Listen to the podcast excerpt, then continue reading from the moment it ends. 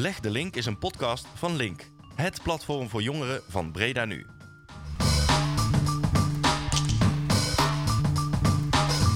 Breda is een veelzijdige en bruisende stad, zeker ook onder jongeren. Maar naast het feestvieren, het Bourgondische eten en de diverse cultuur hebben zij ook zorgen. Hoe veilig voel jij je bijvoorbeeld op straat? Kom je nog wel aan een woning? Hoeveel geld moet Ome Duo jou nog kwijtschelden? En hoe staat het eigenlijk met jouw tijgerpunten? De podcastserie Leg de Link biedt een platform om, samen met deze jongeren, zowel de negatieve als positieve kanten van al deze thema's bespreekbaar te maken. Vandaag leggen we de link met seksueel grensoverschrijdend gedrag. Mijn naam is Sam en mijn gasten vandaag zijn Nora en Rens.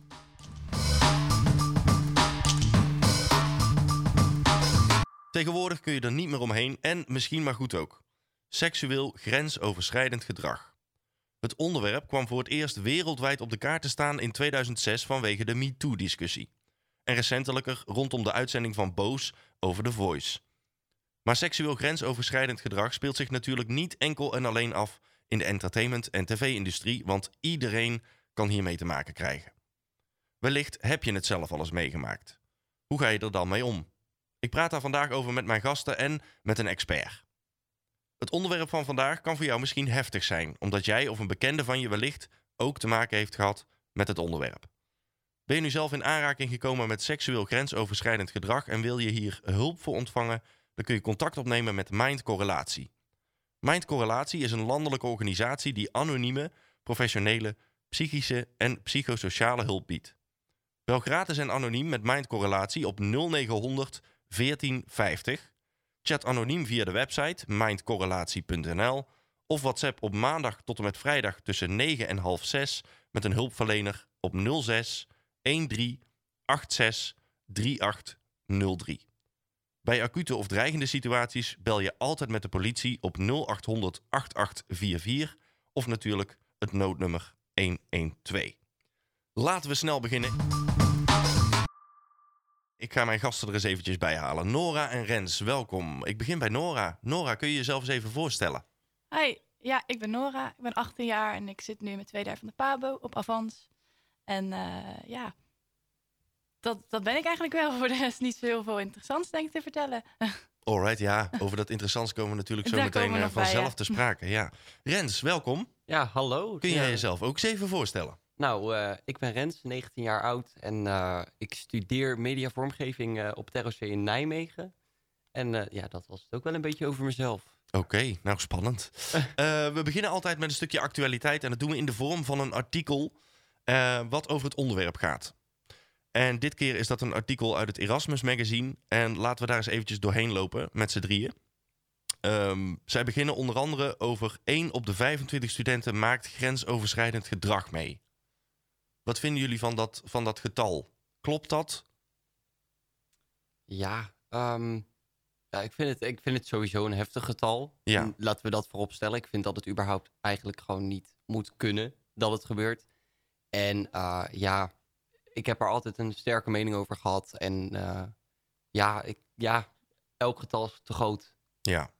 En waar komt, die, waar komt die sterke mening vandaan? Hoe is die, hoe is die ontstaan? Wanneer ben je er voor het eerst actief mee bezig geweest? Uh, ik denk met mijn eigen soort van ervaring die ik toen heb meegemaakt. En daarna ook nog een paar vriendinnen van mij die het ook precies hetzelfde als mij hebben meegemaakt, zowat. Maar dan nog wel echt een tikkeltje erger.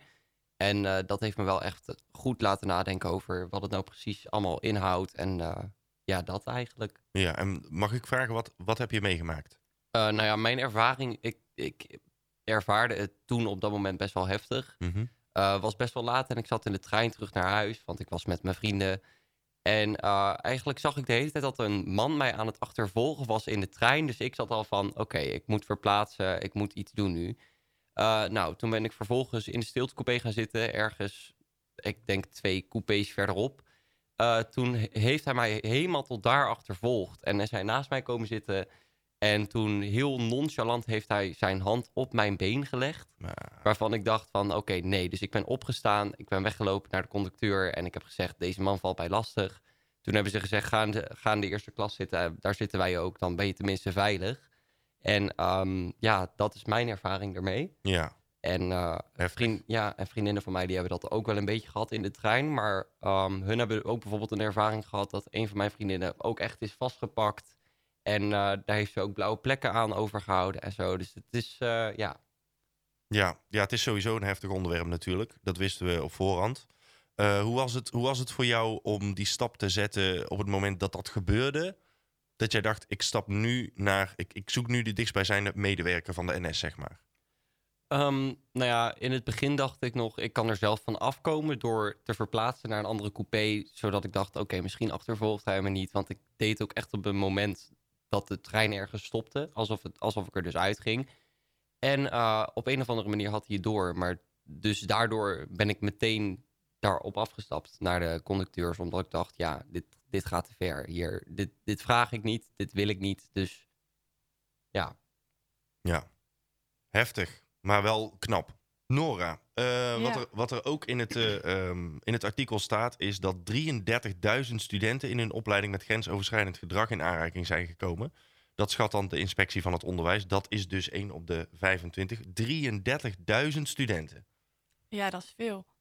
Maar ja. ja. Het is natuurlijk wel, als je student bent, dan, uh, dan ben je jong. Dan ben je misschien nog een beetje ja, vatbaar. En dan pakken ze je misschien ook wel sneller. Als je ouder bent, ja, of jonger, ja, we spreken niet over Marco Borsato natuurlijk, nee, maar nee, nee. Uh, of jonger bent, ja, je zit net in die doelgroep dat het juist bij die mensen gebeurt, bij de studenten. Dus waarschijnlijk dat het aantal daarom daar zo hoog ligt.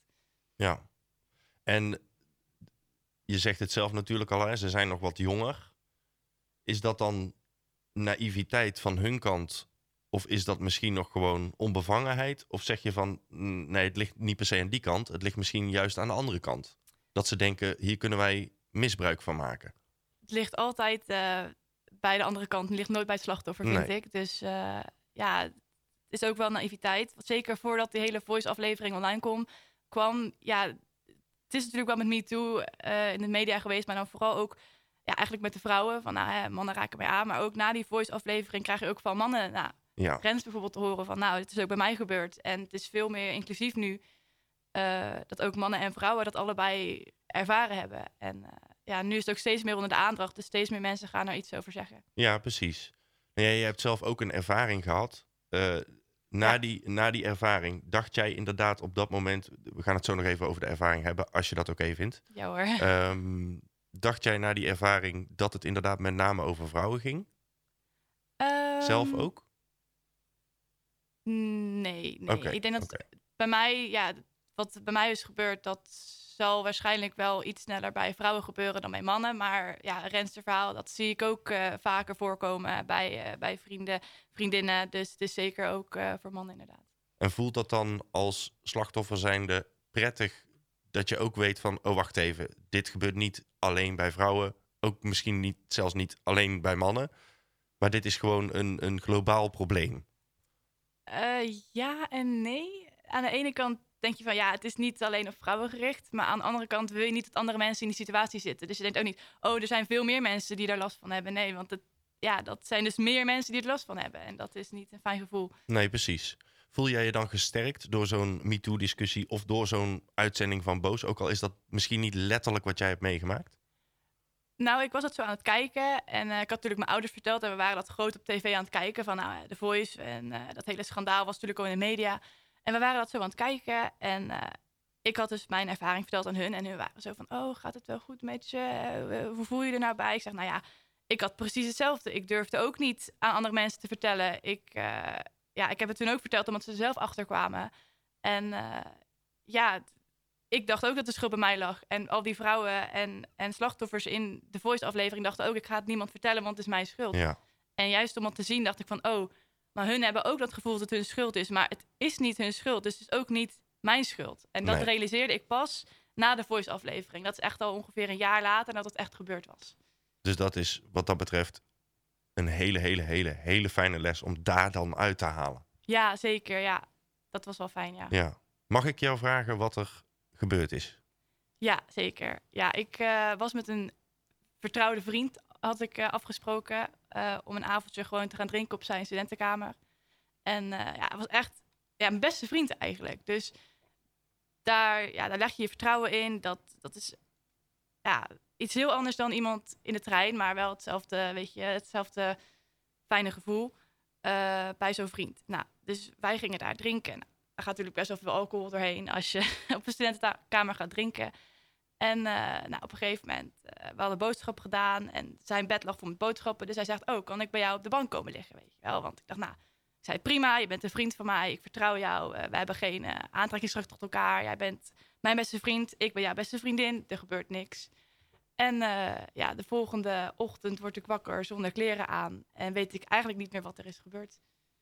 Dus ja, dat was wel heftig. Maar gelukkig had ik nog wel vlagen herinneringen dat er niet uh, ja, echt ja, seks was gebeurd, dat wist ik wel. Maar wel dat er was, aan me was gezeten, dat wel.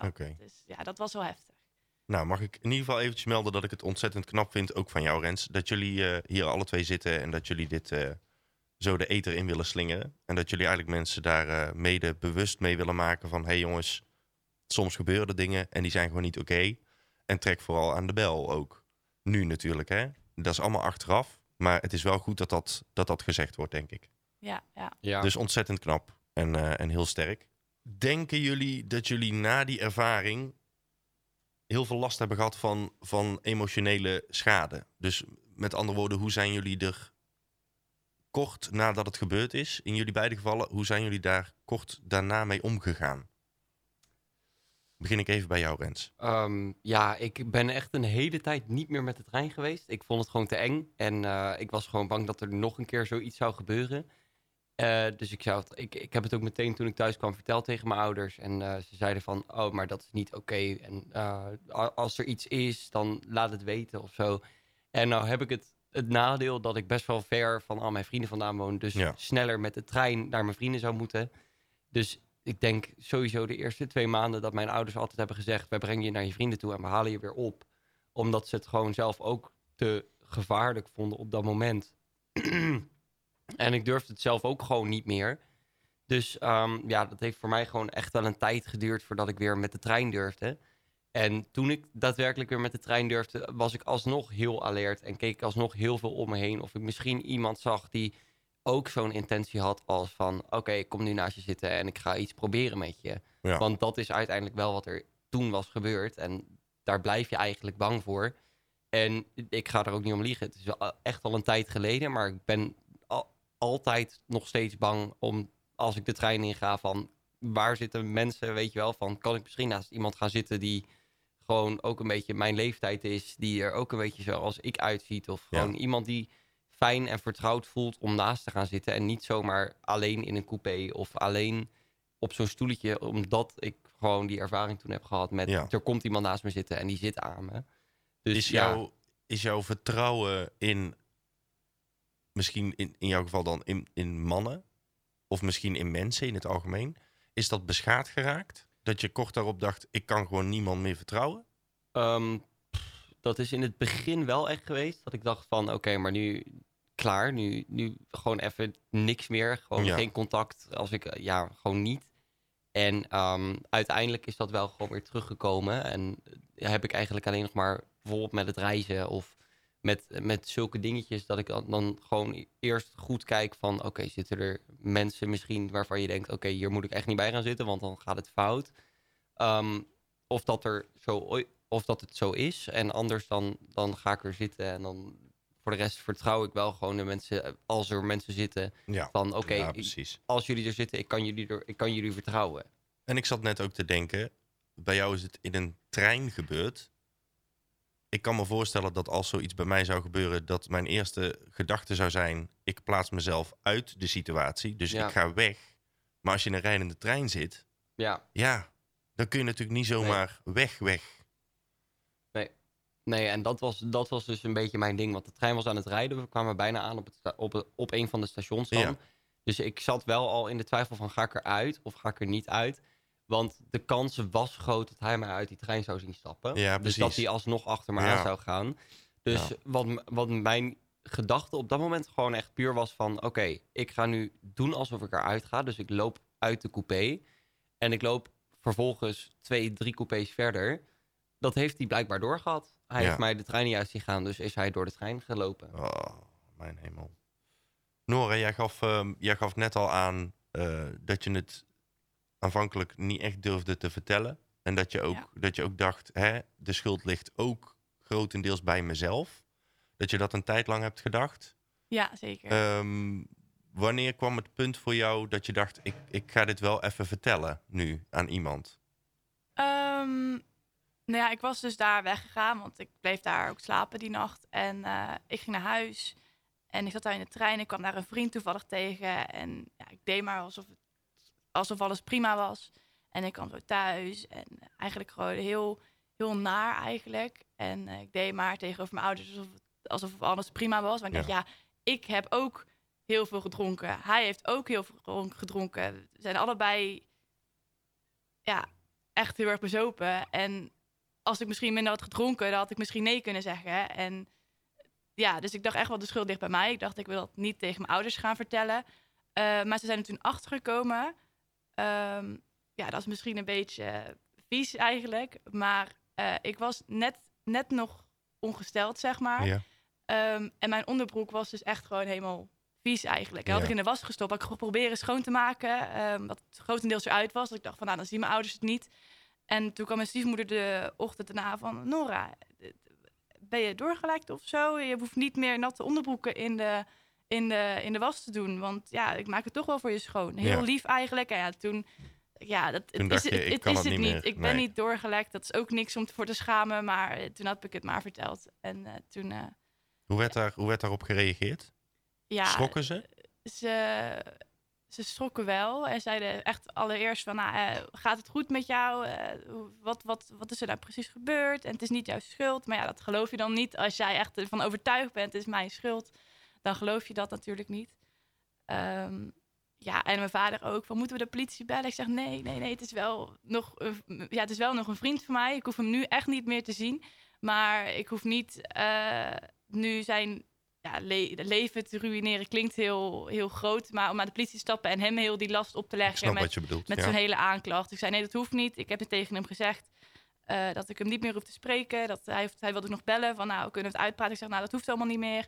Want het minuut dat ik zijn naam, eh, dat, me, dat het bericht op mijn telefoon kwam, kreeg ik gelijk als een angstreactie Ja. van, oh, dat is zijn naam. En oh, dan moet ik op reageren. Hij wilde Ja. bellen. Ik dacht, nou, daar voel ik me niet veilig bij, voel ik me niet fijn bij.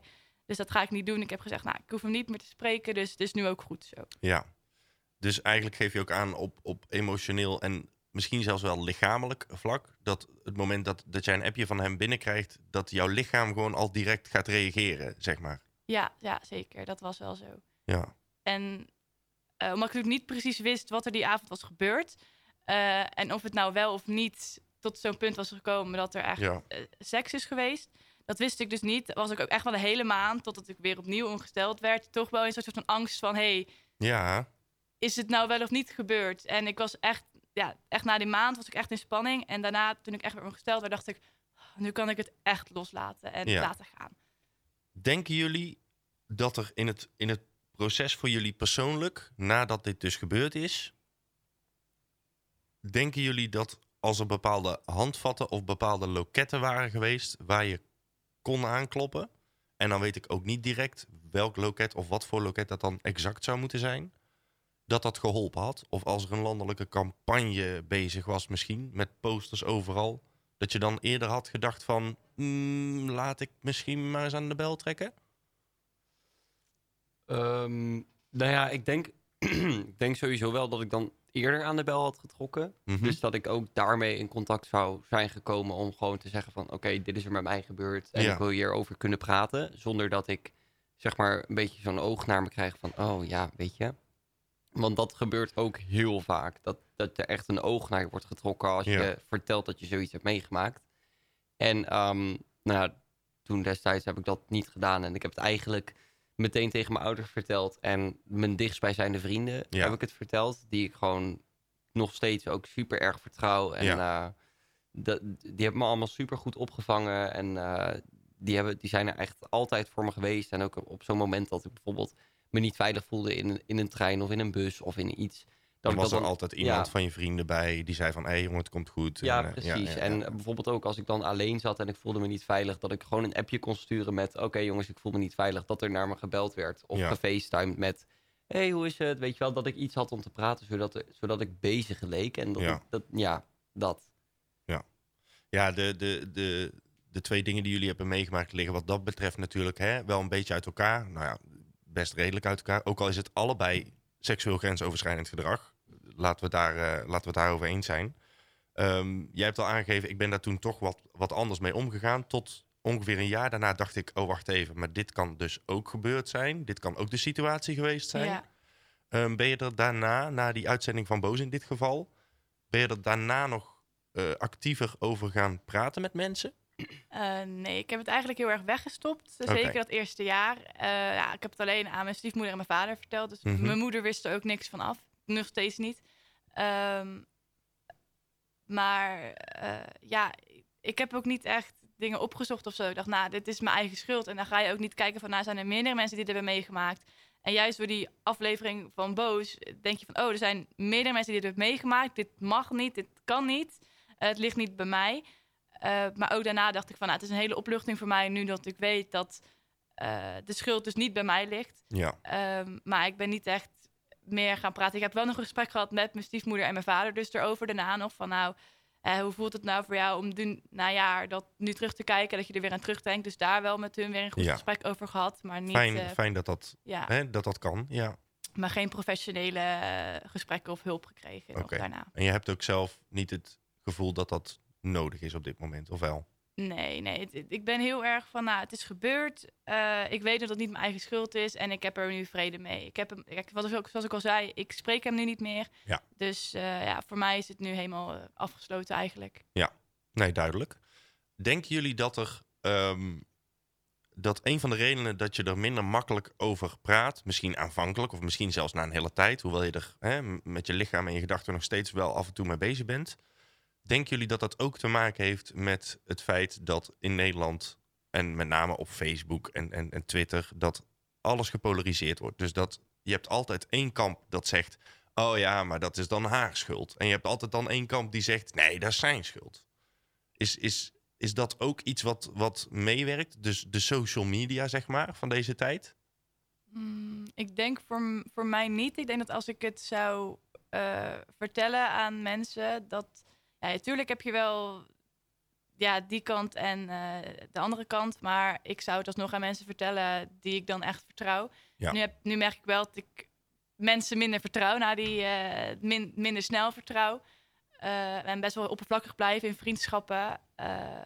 Maar ik praat er nu best wel makkelijk over. Ja, daarom zit ik nu ook hier. Ja. Ehm, dus ik, ja, ik geef niet echt op iemands mening. Ik weet dat er met mij is gebeurd. Ik weet dat het niet mijn schuld is.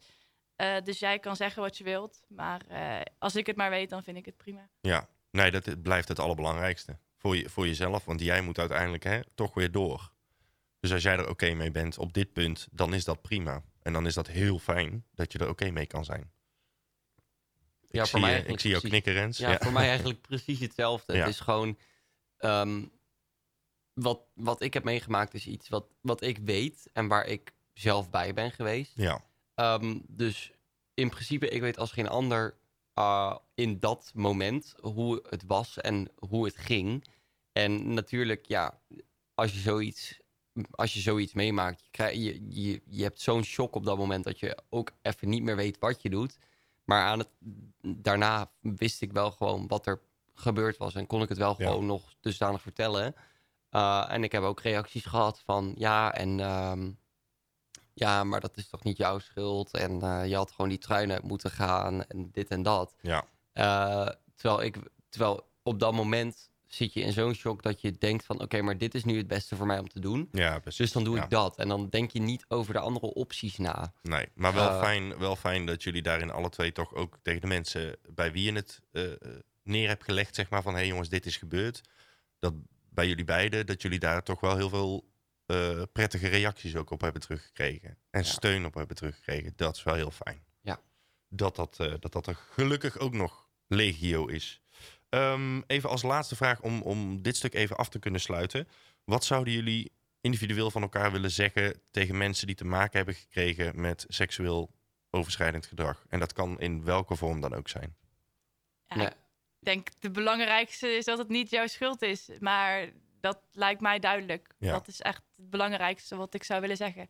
Ja, ja het, dat is inderdaad een van de belangrijkste dingen. En daarnaast, wat, wat ook echt heel belangrijk is, en dat hebben we nu, vooral nu na die voice-aflevering en na heel dat heel het MeToo gebeuren in 2006, eh, wat we daar echt wel ook van hebben meegekregen, is praat erover, hoe moeilijk het ook is. Want als je er niet over praat, je, je kropt jezelf ermee op en je komt er niet verder mee. Dus het, kan zo, zo zijn dat, dat het straks dat je er drie jaar mee loopt, dat je het nog steeds tegen niemand hebt verteld en dat het alsnog als een blok aan je voeten hangt. En dat moet je echt niet willen. Nee. Nee, durf, durf te praten. In ieder geval tegen de mensen die je lief hebt, zeg Ja. maar. Ja, ja, Ja. precies. Gaan we even door met het volgende en dat is de keuze. En dat is dit keer natuurlijk ja, best wel een pittige keuze. De keuze is, stel je krijgt te maken met seksueel grensoverschrijdend gedrag met betrekking tot een docent. Zou jij een aanklacht tegen die docent indienen bij de directie? Of zou je eerder het incident voor je houden? Ik ga eerst even naar Noah. Ehm, ik denk, het is natuurlijk wel school en school is voor mij best wel een veilige plek. Eh, en je zit toch wel met zo'n docent eigenlijk heel het jaar in de klas, of een half jaar, maar toch wel langere periode. Ik denk dat ik nu ook met de ervaring die ik nu heb en met ja, de kennis van hey, nu wordt er misschien wel wat mee gedaan, nu er wat meer ja, awareness is voor dit hele probleem. Eh, het wordt serieuzer genomen, laat ik het daarop houden dat ik wel naar een vertrouwenspersoon of een directie, dat ik wel naar iemand zou stappen om het aan te kaarten. eh, en niet stil zou blijven. Want ja, misschien hebben wel meerdere mensen in de klas of meerdere personen die die docent hebben er last van. En is wel belangrijk om het dan op tijd te vertellen. Ja, ik zou ook wel echt naar de directie gaan. Dat is gewoon puur inderdaad wat ik net al zei. Eh, en wat jij ook al zei, school is een vertrouwde plek. En je moet je er vertrouwd en veilig voelen. Daar, daar is een school voor ook. En school is niet alleen om te leren natuurlijk. En ehm, ja, zodra het punt dat ik me niet meer veilig zou voelen door Ja. een docent... en ik zou door een docent te maken, weer te maken krijgen, te maken krijgen met eh, seksueel overschrijdend gedrag... ja, dan zou ik wel naar de directie gaan en zeggen van... oké, maar dit is er gebeurd. En maak dit aanspreekbaar op school. Of Ja. doe er iets mee, zodat ook andere leerlingen... of misschien gewoon andere mensen op de school... die er ook te maken mee hebben gehad... eh, dat hun ook hun verhaal kunnen doen op de Ja. school. En dat, dat er dan ook duidelijk wordt van... oké, het is misschien niet de eerste keer dat dit gebeurt. hier. Nee, precies. Hangt het, dan, hangt het dan misschien ook nog af van welke docent dat het is? Of zeg ik nou iets heel geks? Voor mij niet. Ik, ik, nee, voor mij niet. Oké. Nee, ik, ik denk het ook niet. Ik heb nu wel dat ik nu op mijn opleiding zijn echt allemaal topdocenten. En ja, ik Mag zou ook wel het een niet keer gezegd worden. ja, ik zou het niet eh, kunnen inbeelden dat eh, ja, die docenten dat zouden doen. Want het zijn allemaal PABO-studenten, dus die hebben PABO-leerkrachten. Ja, ja. En eh, die hebben allemaal in de basisschool gewerkt, op een middelbare school. Dus allemaal met kinderen. Ja, dat zou je ook niet voor kunnen stellen dat ze dat zouden doen bij studenten. Vaak ook eigen kinderen.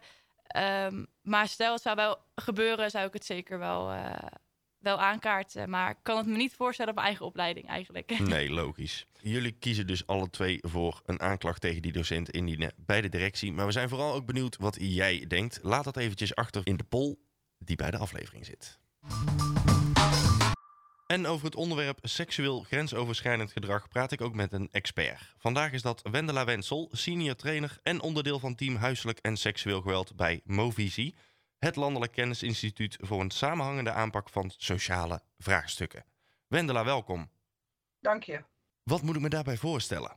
Bij een landelijk kennisinstituut voor een samenhangende aanpak van sociale vraagstukken.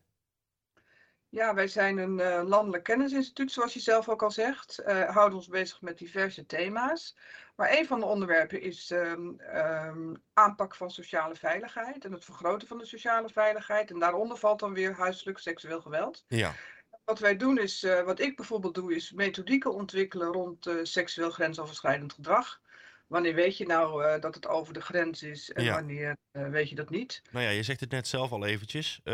Wat verstaan we nu eigenlijk precies onder grensoverschrijdend gedrag? Grensoverschrijdend gedrag is in feite als er sprake is van een gebrek aan toestemming over en weer. Als er sprake is van een gebrek aan vrijwilligheid. Dus we kijken altijd bij die definitie naar, is er sprake van vrijwilligheid? Ja. Of wordt er druk uitgeoefend? Hoe zit het met gelijkwaardigheid tussen mensen? Ervan uitgaan dat het uh, tussen uh, personen plaatsvindt, uh, maar het kan natuurlijk ook in een organisatie. als het gaat om jongeren, hoe zit het met, is het gedrag passend bij de leeftijd of eigenlijk niet?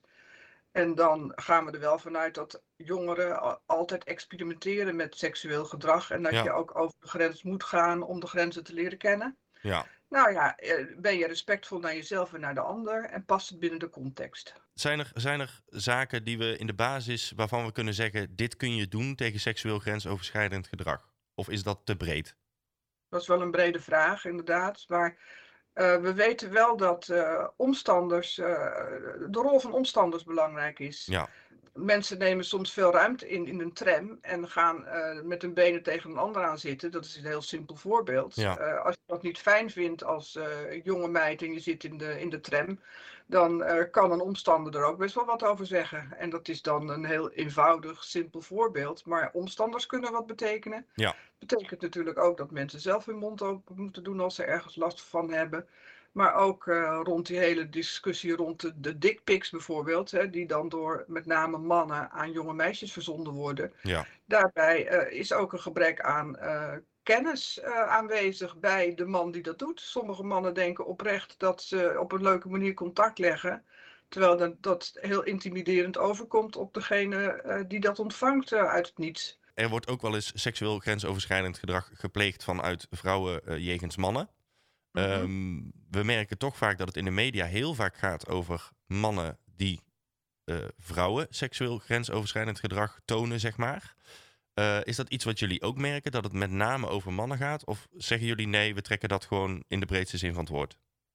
Nou ja, aan de ene kant kijken we natuurlijk wel naar de realiteit. Ja. En het speelt zich eh, regel, natuurlijk af in man-vrouw relaties. Ehm, ehm, maar wij hebben ook zeker aandacht vanuit Movisie rond voor de LHBTIQ-groepen. Ja. eh, groepen. Ook in eh, homo-relaties ziet het seksuele geweld er weer anders uit. Daar houden we ons ook wel mee bezig Ja. dan in lesbische relaties bijvoorbeeld. En dan kunnen het vrouwen onderling zijn die elkaar meer intimideren en eh, chanteren en manipuleren. En dat is dus minder seksueel. Ja. Terwijl tussen homo, eh, ja, dat is wel ge- gechargeerd, hè, weten we dat het, eh, dat het gauwer, dat de seksua- seksualiteit gauwer eh, over de grens gaat. Ja, precies. En vrouwen kunnen natuurlijk ook in een partnerrelatie enorm aandringen op seks en het bij wijze van spreken afdwingen door als die man niet met ze naar bed gaat of met zijn handjes laat wapperen, om door dan te zeggen van ja, ik, eh, ik, eh, ik, ik onthoud je van liefde en aandacht. Niet bewust en expliciet en soms wel bewust, maar vrouwen kunnen net zo goed over de grens gaan natuurlijk. Zouden we kunnen stellen dat ehm, voorlichting, dan wel landelijke campagnes op bijvoorbeeld, want we hebben het in dit geval over studenten ook natuurlijk, op Ja. bijvoorbeeld voortgezet onderwijs en hoger onderwijs, ehm, dat dat in deze tijd waarin we nu leven, dat dat een, een, een groot verschil zou kunnen maken? Nou, dan gebeurt het natuurlijk al wel. Eh, De, eh, de basisscholen geven voorlichting. Ik geloof Leven de Liefde of eh, Lentekriebels. Ja, ja, En dan ja. gaat het niet alleen over seks of over voortplanting in de platte zin van het woord, maar ook over verliefd zijn. En ja absoluut. Ja, Het is heel belangrijk dat jongens meer worden aangesproken. Jonge jongens, jongens die een beginnende relatie hebben, dat die eh, eh, worden aangesproken op het feit dat ze niet hun eigen driften achterna rennen, maar ook eh, proberen te voelen en proberen af te stemmen met het meisje. Ja. Of af leren stemmen door het erover te hebben. Dus dat is dat begrip consent. Dat zijn die eerste drie eh, elementen van, eh, dus de- hoe heet het, Eh, de toestemming, Ja. vrijwilligheid en gelijkwaardigheid. Het is de kunst, ook voor jongens, om dat te praktiseren in een relatie met meisjes. ja, Zodat absoluut. ze zeker weten, dit meisje wil met mij naar bed, is er nu aan toe. En aan de andere kant is het natuurlijk ook aan meisjes om eh, hun lichaam te kennen en te voelen eh, wat ze wel en niet willen en waar ze naar verlangen. Ook niet alleen wat ze niet willen, maar ook wat ze wel willen. Ja, absoluut. Eh, Wendela, mag ik jou ontzettend bedanken voor, voor deze blik. Ik wil je daar nogmaals heel erg voor bedanken. ja, Ehm, leuk om te doen. Wij gaan door met fake news. Ja, en dat is toch wel, dat is toch wel een, een leuk kopje altijd, hoor. We hebben een, eh, ehm, een nieuwsbericht. En dat is door de redactie aangeleverd. Dus ik heb verder ook geen idee. De vraag hierbij is, wat ik zo meteen jullie ga vertellen, is dat echt, heeft iemand dat echt gezegd in een artikel? Of is dat een fake nieuwsartikel van bijvoorbeeld uh, nieuwspaal.nl of dat soort websites? Komt ie aan. Hier zegt Roelof, zegt het volgende.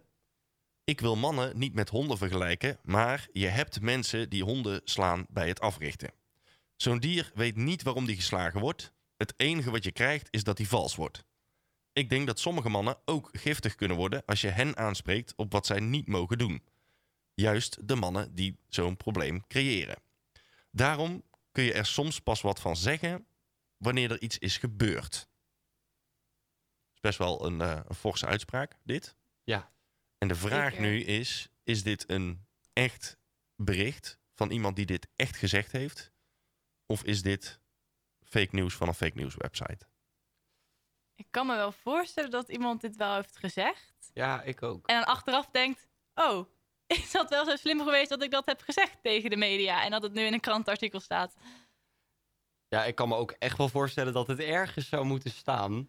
Het zou me ook, ja, het zou me oprecht niet verbazen als dit ergens in een, kranten, in een krantenbericht staat. En dat hij inderdaad daarna zou zeggen van, oh, wacht even. Dit, ik denk niet dat ik dit had moeten zeggen. Maar ik, ja, ik denk wel dat het echt is. Nou, dan gaan we eens, eventjes, uh, gaan we eens even kijken.